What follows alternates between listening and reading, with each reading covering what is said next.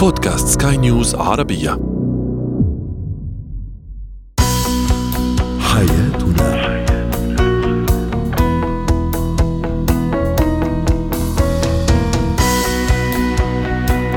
مستمعينا الكرام أهلا بكم معنا إلى حياتنا. برنامجكم اليومي الذي يعنى بشؤون الأسرة وباقي الشؤون الحياتية الأخرى والذي يمكنكم الاستماع إليه عبر منصة سكاي نيوز dot com slash podcast وباقي منصات سكاي نيوز العربيه الأخرى. شاركونا عبر رقم الواتساب 00971 561 88 6223 معي أنا آمال شابة اليوم نتحدث عن بعض المشاكل الزوجية التي قد أو تؤدي لا محالة في النهاية إلى الطلاق إذا ما تكررت. في يومهم العالمي. اليوم هو اليوم العالمي للتوائم. ما هي التحديات تربية التوأم؟ وسنتحاول نحاول أن نسلط الضوء على بعض النصائح المفيدة لتربية التوائم. وأخيرا اتكات الرفض. هو وهي.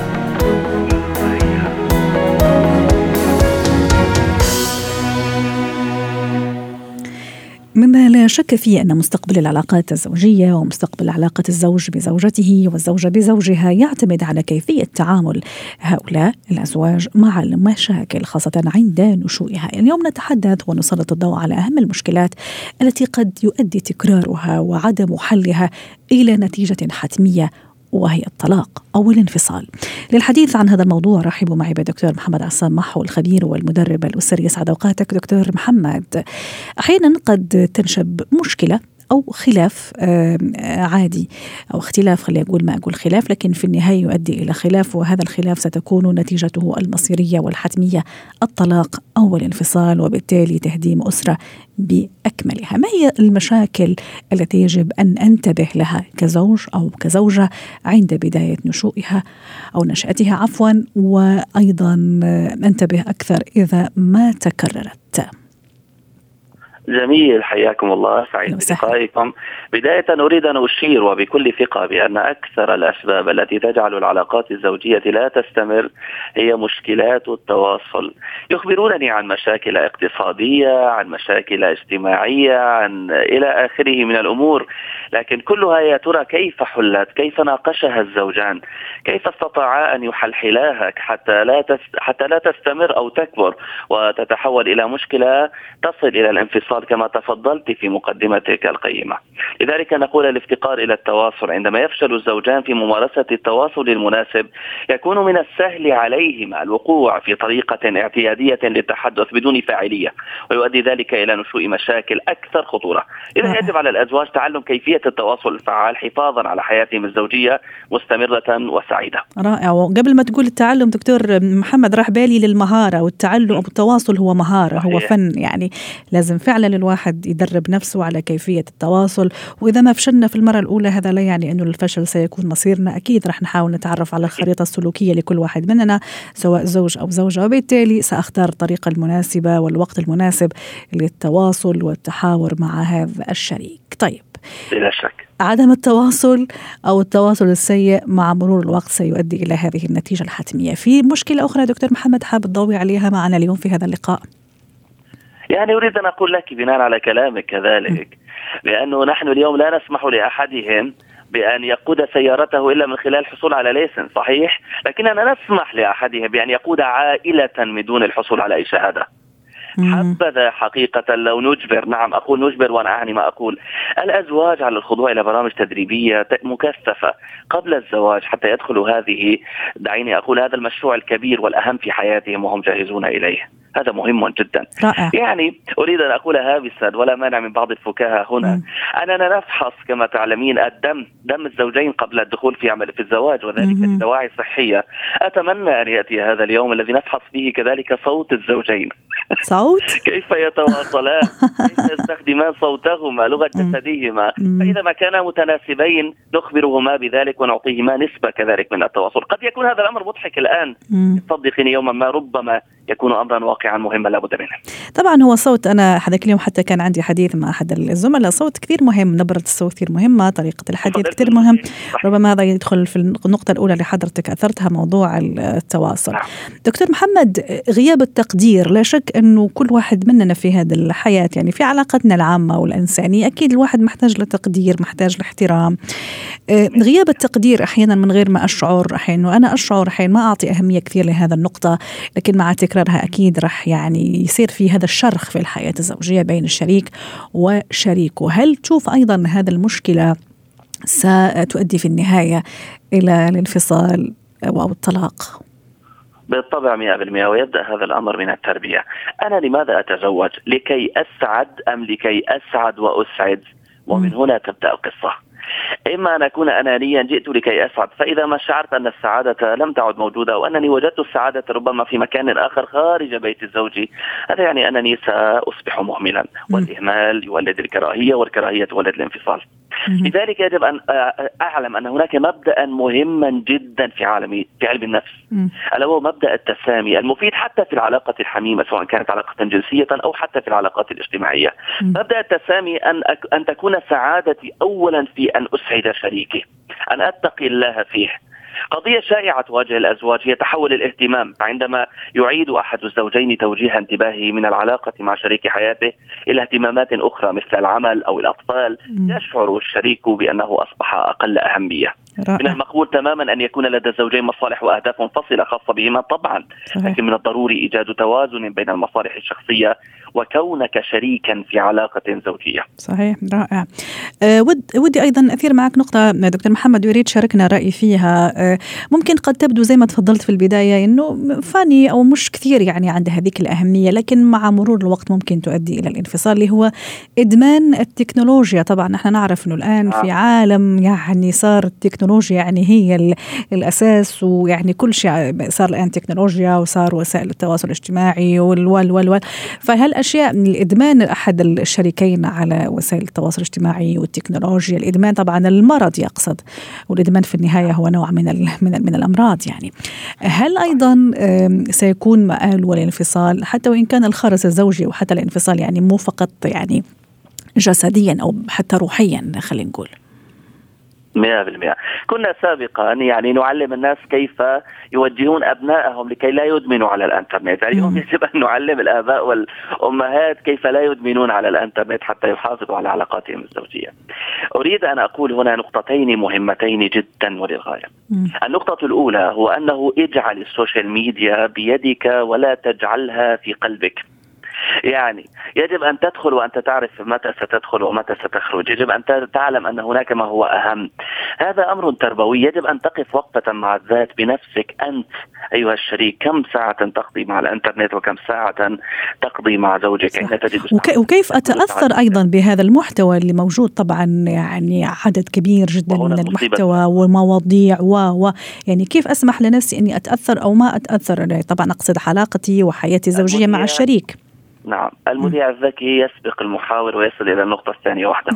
هذا ما فعلتي النقطة الثانية هو أن أنتقي هذا المحتوى بحيث يكون بناء لا هداما. ما هو الذي أراه؟ ما الذي أشاهده؟ هل هو شيء ينفعني ينفع عملي ينفع آخرتي؟ دعيني أقولها ودنياي كذلك. أم أنه شيء هدام آه، يؤثر سلبا على علاقتي الزوجية؟ لابد من الوعي هنا كنقطة مم. أخيرة إذا أحببت كذلك. يجب الصبر كذلك على الشريك المدمن. يعني يجب أن نعلم أن الإدمان لا يمكن أن ينتهي بسهولة. لا يمكن أن يقضي عليه الآخر بجلسة واحدة، يجب لابد من الصبر.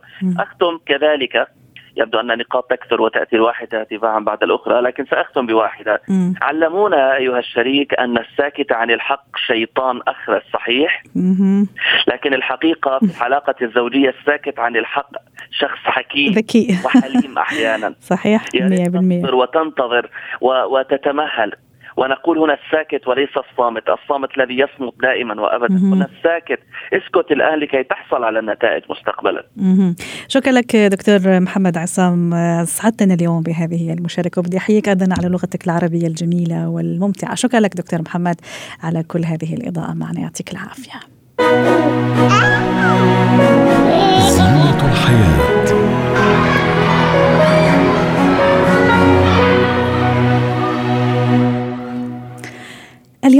هو اليوم العالمي للتوائم. شهدت السنوات الأخيرة تزايدا في أعداد المواليد من التوائم حول العالم بمعدل أعلى من أي وقت مضى ويشهد العالم سنويا ولادة مليون وستمائة ألف توأم بمعدل توأم بين كل 42 ولادة. طبعا في عوامل كثيرة لهذا الموضوع لعل أبرزها تقدم التقنيات الطبية كالتلقيح المجهري. وأكيد من دون شك يعد إنجاب التوائم من التجارب المثيرة للاهتمام بالنسبة للأم والعائلة والبيئة. أيضا سواء كان التوأم متطابق أو مختلف وسواء كان من نفس الجنس أو لا. لكن المسألة طبعا آه، أن يكون لدى الأم طفلين صغيرين بنفس العمر يحتاجان لنفس الرعاية والاهتمام وبطاقة أكبر أكيد هو أمر ليس بالأمر السهل. خاصة إذا كان هذا التوأم هو أول حمل بالنسبة للمرأة. ما هي التحديات التي تواجه المرأة تحديدا الأم تحديدا وحتى أيضا الأب طبعا أكيد المسؤولية مشتركة آه، لتربية التوأم. للحديث عن هذا الموضوع رحبوا معي بميرنا عسيران الخبيرة التربوية ضيفتنا العزيزة من بيروت. يسعد أوقاتك أستاذة ميرنا. أكيد كما قلت تربية التوأم منه سهل هو لا هين لكن جميل ولذيذ أكيد لما نشوف يعني يعني طفلين سواء ولد وبنت ولا ذكرين ولا بنوتين يعني حلوات يكبروا معنا أكيد شيء رائع وجميل لكن تربيتهم تحتاج الكثير من الصبر. ما هي التحديات اللي لازم أنا أكون مستعدة لها هلا أول شيء نعرف إنه التوأم يعني مجهود أكثر بالنسبة للأهل. يعني م. الولد لحاله هو بده مجهود كثير كبير. ست ولدين بنفس صح. الوقت جايين بدهم نفس النوع العطاء بنفس الوقت بنفس المرحلة. مش عندي ولد أكبر من الثاني فيني خليه لحاله هذا الولد وإهتم بالثاني بالأصغر. لا اثنيناتهم بدهم مجهود ونفس المجهود. ولك ان تتصوري وقت الأكل مثلا إذا جاعوا اثنيناتهم في نفس وقت الوقت يعني. وقت الأكل وقت النوم. نوم صح. ووقت كثير مراحل بدهم كثير وقت أكيد. فهون أول شيء الأهل بدهم يكونوا كثير متساعدين مع بعضهم بدهم يساعدوا بعضهم الأب والأم بدهم يتفهموا إنه نحن بحاجة لبعضنا أكثر من لما يكون عندي ولد واحد. وأهم شيء إنه نفهم إنه كل ولد كائن بشري مستقل لحاله أه. يعني هون إذا عم نحكي بالتربية بدنا نفهم إنه كل ولد مستقل عن الثاني ما بيشبه بعض. صح وعكس الاعتقاد اللي زمان كنا نقول والله هم زي بعض وما أدري إيش ونفس الاحتياجات ونفس الاهتمامات حتى تشوفي بعض العوائل مثلا بتلبسهم نفس اللباس نفس الألوان رغم إنه مثلا علماء النفس يعني يحذروا من هذا الموضوع يقول لك هذا يعطي انطباع إنه يعني يلغي شخصيتهم ها يعني المفروض إنه كل واحد عنده شخصيته وألوانه المحببة وستايله المحبب وشخصيته أكيد راح تنعكس في لبسه فليش أنا ألغي له هذا الشخصية وأخليه مطابق لأخوه؟ ولا يعني لأخوه خلينا نقول ولا لأختها؟ كل واحد عنده حاجاته كل واحد عنده مشاعره كل واحد عنده أفكاره المختلفة عن الثاني مش لأنه آه بيولوجيا بنشبه بعض. وانتبه يمكن ما يكونوا بيشبهوا بعض. يمكن يكونوا آه فوق آه جيمو. لازم يعني مش متطابقين توأم غير متطابق. مش متطابق. مم. نعم نعم. وحتى لو كانوا بنتين. مم. يعني البنتين كمان ما بيشبهوا بعضهم بحاجاتهم. وان كانوا كمان صبيانين ما بيشبهوا بعضهم بحاجاتهم. حتى على فكرة لو أنا عمقنا على الموضوع يعني استوقفني هذا النقطة في موضوع إنه كل واحد عنده شخصيته، حتى أقول لك يفضل إني مثلا لما أطلق عليهم اسماء ما تكون متشابهة في النطق يعني لأنه هذا أيضا يعطيهم شعور بأنه كل واحد فيهم تابع للثاني. صح. لازم هلا هو منه كثير ضروري ومطلوب بس إنه بركي أحسن ما يكونوا كثير قراب على بعض لحتى أول شيء نحن لما نعيط لهم ما يصير في ارتباك مين بده يرد. وثاني شيء بركي كمان الاسم هو ايدنتيتي لكل واحد كل واحد عنده الايدنتيتي الخاصة الهوية تبعه. صحيح.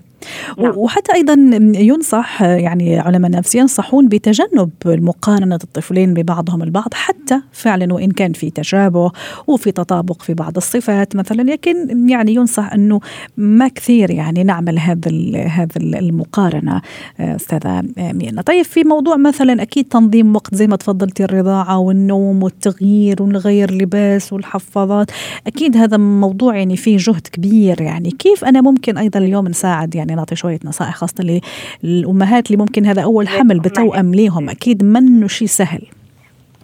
ابدا. هي أول شيء بتخيل هي صدمة حتكون إذا كان أول طفل. آه هي صدمه, صدمة حلوة صدمة جميلة. ولدين إيه، صدمة حلوة ومفاجأة حلوة. وهون يعني بده يبلش التحضير من قبل ما يولد الطفلين. مم. يعني بدنا نبلش ننظم حياة المستقبلية قبل ما يوصلوا هالولاد على هالدنيا. كرمال آه نقدر بال يعني باكثر آه مجهود ممكن نلبي لهم طلباتهم. في قصص متفاجئة بتصير معهم من بعد ما يولدوا بس على القليل نكون منظمين ونكون عارفين على شو قاتلين. يعني تاعطي أنا اكزامبل آه بوقت النوم لحتى ما نضطر نحمل الطفلين بنفس الوقت لحتى ننيمهم.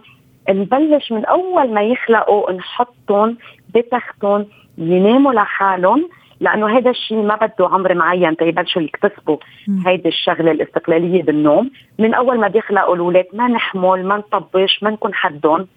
نحطهم بتختهم ويتعودوا يناموا لحالهم. هذه أول شغلة ممكن تساعدهم.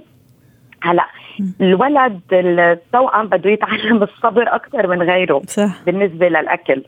لأنه ما بيقدر ما بيقدروا بنفس الوقت ياكلوا إذا ما كان في شخصين صح. موجودين. والولد أصلا بطبعه يعني مش صبور ما عنده هذاك الصبر ما عنده طولة البال خاصة إذا شو الأكل. صحيح. خاصة بالأشهر الأولى بوقت الأكل لأنه هذه رغبة لازم هلأ نلبي له إياها. ما تفهم إنه لازم ينطر وإلا بتشكل فرستريشن بعدين. صحيح صحيح. فلازم يكونوا منظمين وقتهم ويعودون شوي على الاستقلالية. م. وكل ولد عنده آه نمط وقت مختلف عن الثاني يعني نمط كمان تفكير مختلف عن الثاني عم بحكي نمط تطوري بالعقل. م. يعني إذا ولد مشي قبل الثاني كمان لازم نحترم هذا شو ما نقارن. نرجع للمقارنة. رائع. أصلا نحن ما لازم نقارن بين ولد والثاني إن كان ولد عمره ثلاث ولد عمره سنة ما لازم نقارن كثير ولدين خلقوا مع بعضهم. لازم ننتبه كثير منيح على هيدي النقطة. صحيح. وأيضا عدم التفريق بيناتهم أستاذة ميرنا في التعليم والاهتمام والمديح والمدح و... وخاصة مثلا يمكن زي ما تفضلتي ممكن واحد إدراكيا شوية ها متفوق عن الثاني. وأتصور أيضا المدرسة أيضا هي آه، رابط كثير مهم بيني وبين يعني كأسرة ومدرسة أني أيضا أحطهم في الصورة على آه، شخصية كل واحد منهم على تطور كل واحد منهم. وحابة أيضا تشاركيني موضوع كيف أعلم هذا التوأم آه، طفلي التوأم يتعامل مع بعضه البعض مش مع الناس التانية هم مع بعض كيف يتعاملوا من ناحية اللعب الدراسة لما يكونوا مع بعضهم تناول الطعام في, شيء حابة تقوليه في هذا النقطة؟ هلا أول شيء بالنسبة للدراسة آه للمدرسة م. لما بنحط ولدين توأم بالمدرسة ينصح إنه ما ينحطوا مع بعض بنفس الصف. لحتى ما نعودهم أنه يضلوا معلقين ببعضهم. صح. يعني وإحنا غالبا نحطهم بنفس الصف ونفس الطاولة وعلى نفس تقريبا الكرسي. لا لا لازم ينصح أنه ينحطوا كل واحد بصف لحتى كل واحد يكون عنده تجربته الخاصة.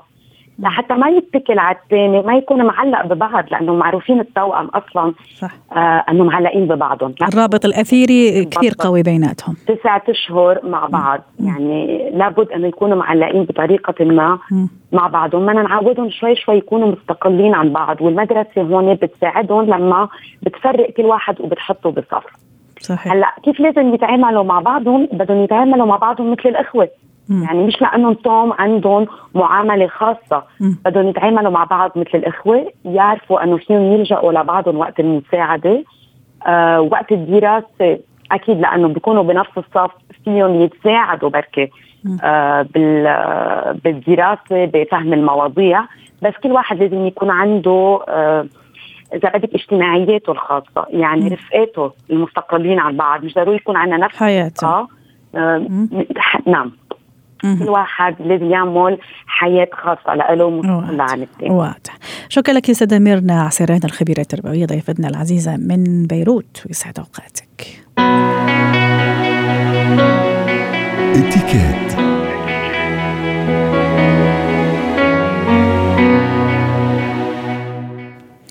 اليوم سنتحدث عن اتيكيت الرفض. كيف أرفض بلباقة؟ كيف أعبر عن رأيي؟ أيضا إذا كان يعني يعني مش متطابق مع الرأي الآخر بلباقة.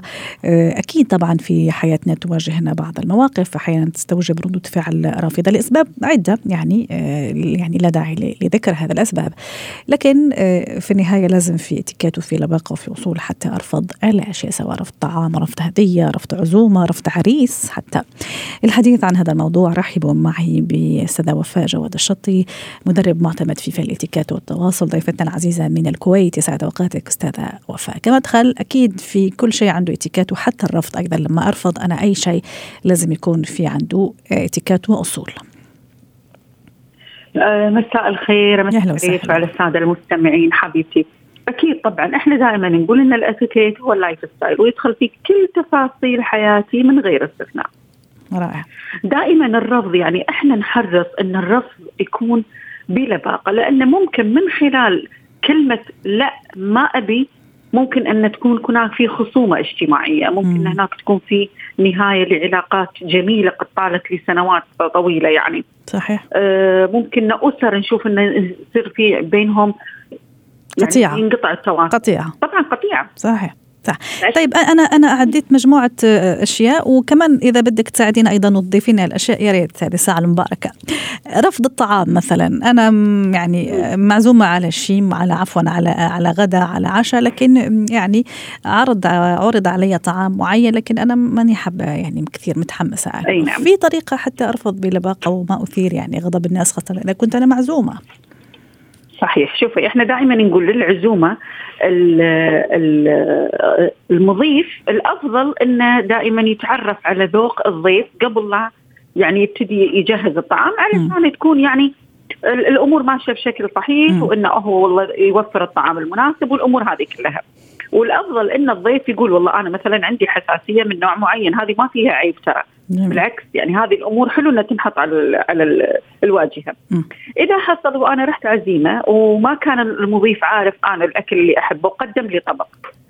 المفروض إني أول شيء أشكره وأثني عليه انه هو تكلف م. وتعب وجهز لي هذا الطعام وشكرا لكم وشكله شهي وشكله لذيذ جدا آه، ولكن أنا راح آكل طبق آخر لأن مثلا أنا عندي حساسية جميل. مثلا أني أنا ما أحب هذا النوع من الأكل ولكن م. شكل الأكل جدا شهي يعني وايد أنا ممتنة لأنكم عددتوا لي هذا الطعام جميل يعني م. أعطي بروباغندا أو أعطي يعني آه، مقدمة جميلة. يعني أثني أثني على الشيء أثني على الشخص اللي تعنى ويعني وتعب حاله وعمل الأكل ولكن في النهاية يعني راح أعطي راي طيب. استاذه وفاء حتى أيضا الوقت ما ياخذنا ونستفيد منك اليوم. آه، الاتيكيت رفض العزومة أصلا من من أصلها يعني. أنا أيضا معزومة على عشاء أو غدا لكن ماني حابة يعني ألبي الدعوة. في طريقة حتى أرفض لكن بطريقة لبقه طبعا أكيد هم نفس الشيء. أشكر الشخص اللي عزمني ويعني على هذه العزومة. ولكن شوفي الأفضل إني أنا يعني أعطي سبب مقنع. ما أقول والله أنا للأسف ما أقدر لظروف. فالأفضل إني دائما أعطي مبررات. يمكن أكون معزومة في مكان وفي أشخاص أنا ما أحب ألتقي معاهم. وممكن إذا وجودي يسبب نوع من الحساسية ممكن إن وجودي يسبب نوع من المشاكل. فأنا مثلا يعني أعتذر بلباقه ولكن دائما في البداية نبتدي شوفي في كل في كل حالات الرفض بدون استثناء. أول شيء الشكر. شكرا لدعوتك شكرا لأنك تذكرتني شكرا لأنك تعبت لي. دائما الشكر في البداية جميل. وبعدين نعم. أعتذر. وحتى إذا كان العريس أيضا؟ العريس هذا أكيد هذه مشاركة حياة. عاد هذه صعبة يعني كيف تعتذري؟ يعني كيف أبلش ما أعرف؟ يعني كيف أعتذر من العريس؟ حاليا أمر في هذه المواقف لأن بناتي في سن زواج الله يحفظهم. الله يحفظهم. يصير انه يصير الله يخليك. يصير انه في ناس يعني يتقدموا لهم ويصير في رفض من قبل بناتي. أي. تشوفيني أقول حق الام إحنا كنا نتمنى إن إحنا يصير ما بيننا نسب وأنا جدا سعيدة وتشرفت بمعرفتكم ولكن للأسف ما في نصيب. ما في فتسأل الأم ليش ما في نصيب؟ أيوه. أعطي السبب يا أستاذة. أي أعطي أقول لها وللاسف يعني ما صار في قبول. البنت تقول مثلا ما في كمستري ولكن ما أقول لها والله الشكل ما عجبها مم. الأسلوب ما عجبها ما أدخل بهذه الفظاظة. طيب. أبتعد كثيرا عن إني أكون حتى ما يكون إحراج. أي حتى ما يكون إحراج وما نجرح الشخص أو الطرف صحيح. الآخر. طيب جينا لرفض الهدية يا أستاذ وفاء. في حدا يرفض الهدية؟ بس أحيانا الهدية ترفض. كيف كيف أرفض الهدية؟ يعني إيش الطريقة اللي أرفض بها الهدية؟ عم نختم في في 30 ثانية. على الهدية. يعتمد على الهدية. الهدية إذا كانت في العمل أكيد يعني في الشغل الهدايا مرفوضة. إلا إذا كانت الشوكلت مثلا خلينا نقول الأشياء اللي تؤكل عرفتي؟ ويكون لها يعني ما تكون قيمة عالية. أيه. هذه ما فيها مجال. الشغل ما في مجال للمجاملة. أنا شكرا على الهدية ولكن أنا أعتذر طبيعة العمل عندنا أو الإدارة تمنع باستلام الهدايا. صحيح. إذا كان على المستوى الشخصي وأنا حسيت أن الشخص هذا وايد متكلف وتعبان عشان يجيب لي هذه الهدية وأنا ما أقدر أقبلها أقول له شكرا كثير وأنا حبيتها ولكن للأسف أنا ما أقدر أقبلها لأني مثلا ما أقدر أردها. ما عندي الإمكانية إني أنا أردها. مثلا إي أنا ما أحب إنه يكون في بيننا كلفة وهدايا ولكن إحنا دائما نقول م. بالعلاقات الاجتماعية لا ترفضون الهدايا. تهادوا تحابوا. عشان قلت لك في حدا يرفض الهدية. والله لا. أنا غنية وأحب الهدية. شكرا لك أستاذة وفاء جواد الشطي اسعدتينا اليوم بهذه المشاركة ضيفة عزيزة من الكويت. يعطيك العافية. حياتنا.